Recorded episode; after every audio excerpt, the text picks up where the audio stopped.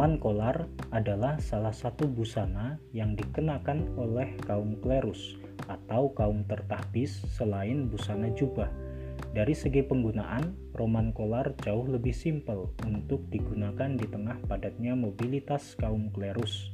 Misalnya, ketika seorang pastor mau mengunjungi umat, entah di rumah umat tersebut atau di stasi-stasi, busana roman kolar akan lebih praktis untuk digunakan ketimbang jubah. Akhir-akhir ini, saya sering mendapat cerita juga informasi tentang perseteruan penggunaan roman kolar antara mereka yang setuju bahwa roman kolar menjadi busana sehari-hari kaum klerus dan mereka yang tidak begitu setuju dengan alasan sebaiknya roman kolar digunakan dalam kesempatan-kesempatan tertentu saja.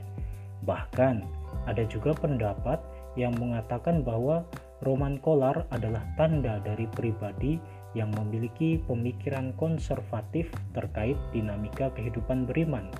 Roman kolar dipandang sebagai tanda keangkuhan dan derajat sosial yang lebih tinggi di kalangan kaum klerus. Benarkah demikian? Untuk menjawabnya, maka saya mencoba melihatnya dari sudut pandang sejarah. Roman Kolar memiliki keterkaitan dengan tren mode pakaian, khususnya kerah baju di Eropa sekitar abad 15. Pada waktu itu, kerah baju menjadi tanda status sosial seseorang. Misalnya, kerah Medici dikenakan oleh para bangsawan Prancis, kerah Edwardian dikenakan oleh para bangsawan Britania Raya dan ada juga kerah pelaut yang digunakan oleh para angkatan laut kerajaan Inggris. Nah, pada tahun 1820-an, seorang desainer bernama Hannah Montague menciptakan sebuah kerah yang dapat dilepaskan dari kemeja, yaitu kerah roof atau kerah bongkar pasang. Kerah roof atau bongkar pasang inilah yang kemudian menjadi cikal bakal roman kolar yang juga bisa dilepaskan dari kemeja. Alasan dari penggunaan roman kolar yang adalah kerah bongkar pasang ini sebenarnya adalah alasan praktis, yaitu agar kerah dan kemeja dapat dibersihkan secara terpisah. Ketika kerah menjadi bernoda, bisa diganti tanpa harus mengeluarkan biaya untuk membeli pakaian baru karena pada masa itu harga pakaian cukup mahal. Nah, poin pentingnya adalah ternyata penggunaan roman kolar menjadi salah satu rupa-rupa dari praktik hidup kesederhanaan kaum klerus. Ada juga alasan lain yang saya dapatkan dari salah seorang pastor mengenai penggunaan roman kolar yaitu untuk menjaga kestabilan suhu di sekitar tenggorokan atau leher dari para pastor yang pada waktu itu sering kali bertugas untuk berkhotbah.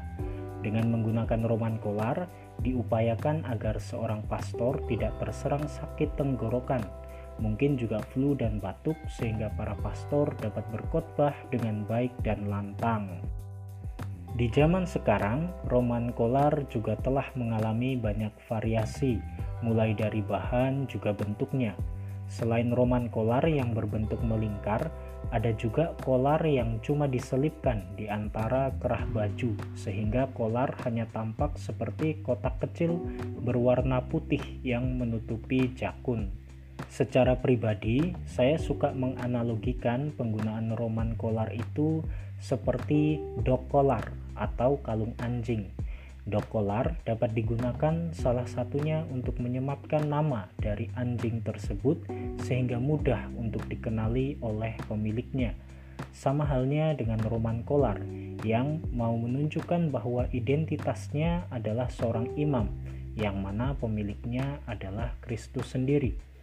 Selain itu, dokolar yang biasa juga disebut harness berfungsi untuk memberikan kontrol yang lebih baik agar anjing enggan untuk menarik atau melompat.